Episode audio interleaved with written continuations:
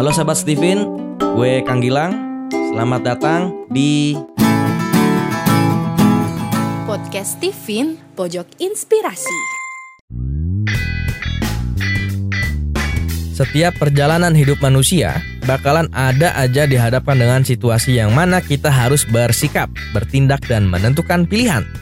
Patut waspada nih guys, karena kalau sampai salah dalam memunculkan respon sehingga berdampak terhadap sikap atau keputusan menjadi salah juga, amsyong dah. Bakal nambah PR banget. Maka waspadalah kalian dalam memberikan respon dari setiap stimulus yang datang. Jangan sampai kemudian menyesal karena kesalahan ketika merespon. Kalau kata Missy Dai, penyesalan itu datangnya belakangan guys, karena yang datangnya di awal itu namanya pendaftaran. Oke, jadi harus gimana dong?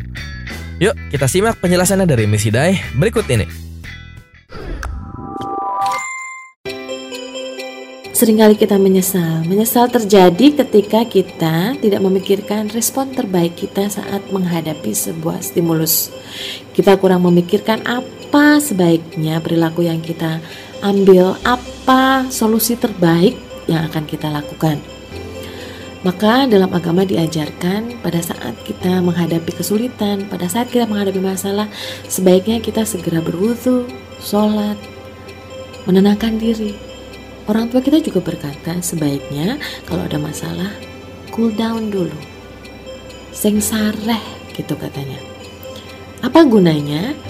Dalam ilmu Stephen dikatakan, jangan sampai golongan darah yang stratanya lebih rendah dibandingkan drive dan mesin kecerdasan secara genetik itu mendahului kita berespon.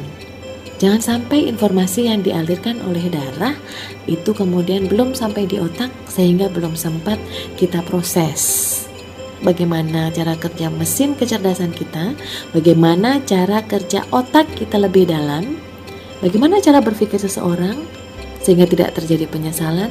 Mudah-mudahan semakin banyak hal yang tidak akan kita sesali. Penyesalan hanya menjadi pelajaran yang akan kita perbaiki di masa depannya.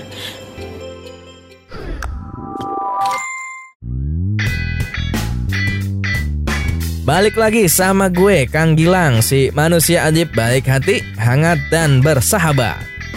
Jadi, begitu guys.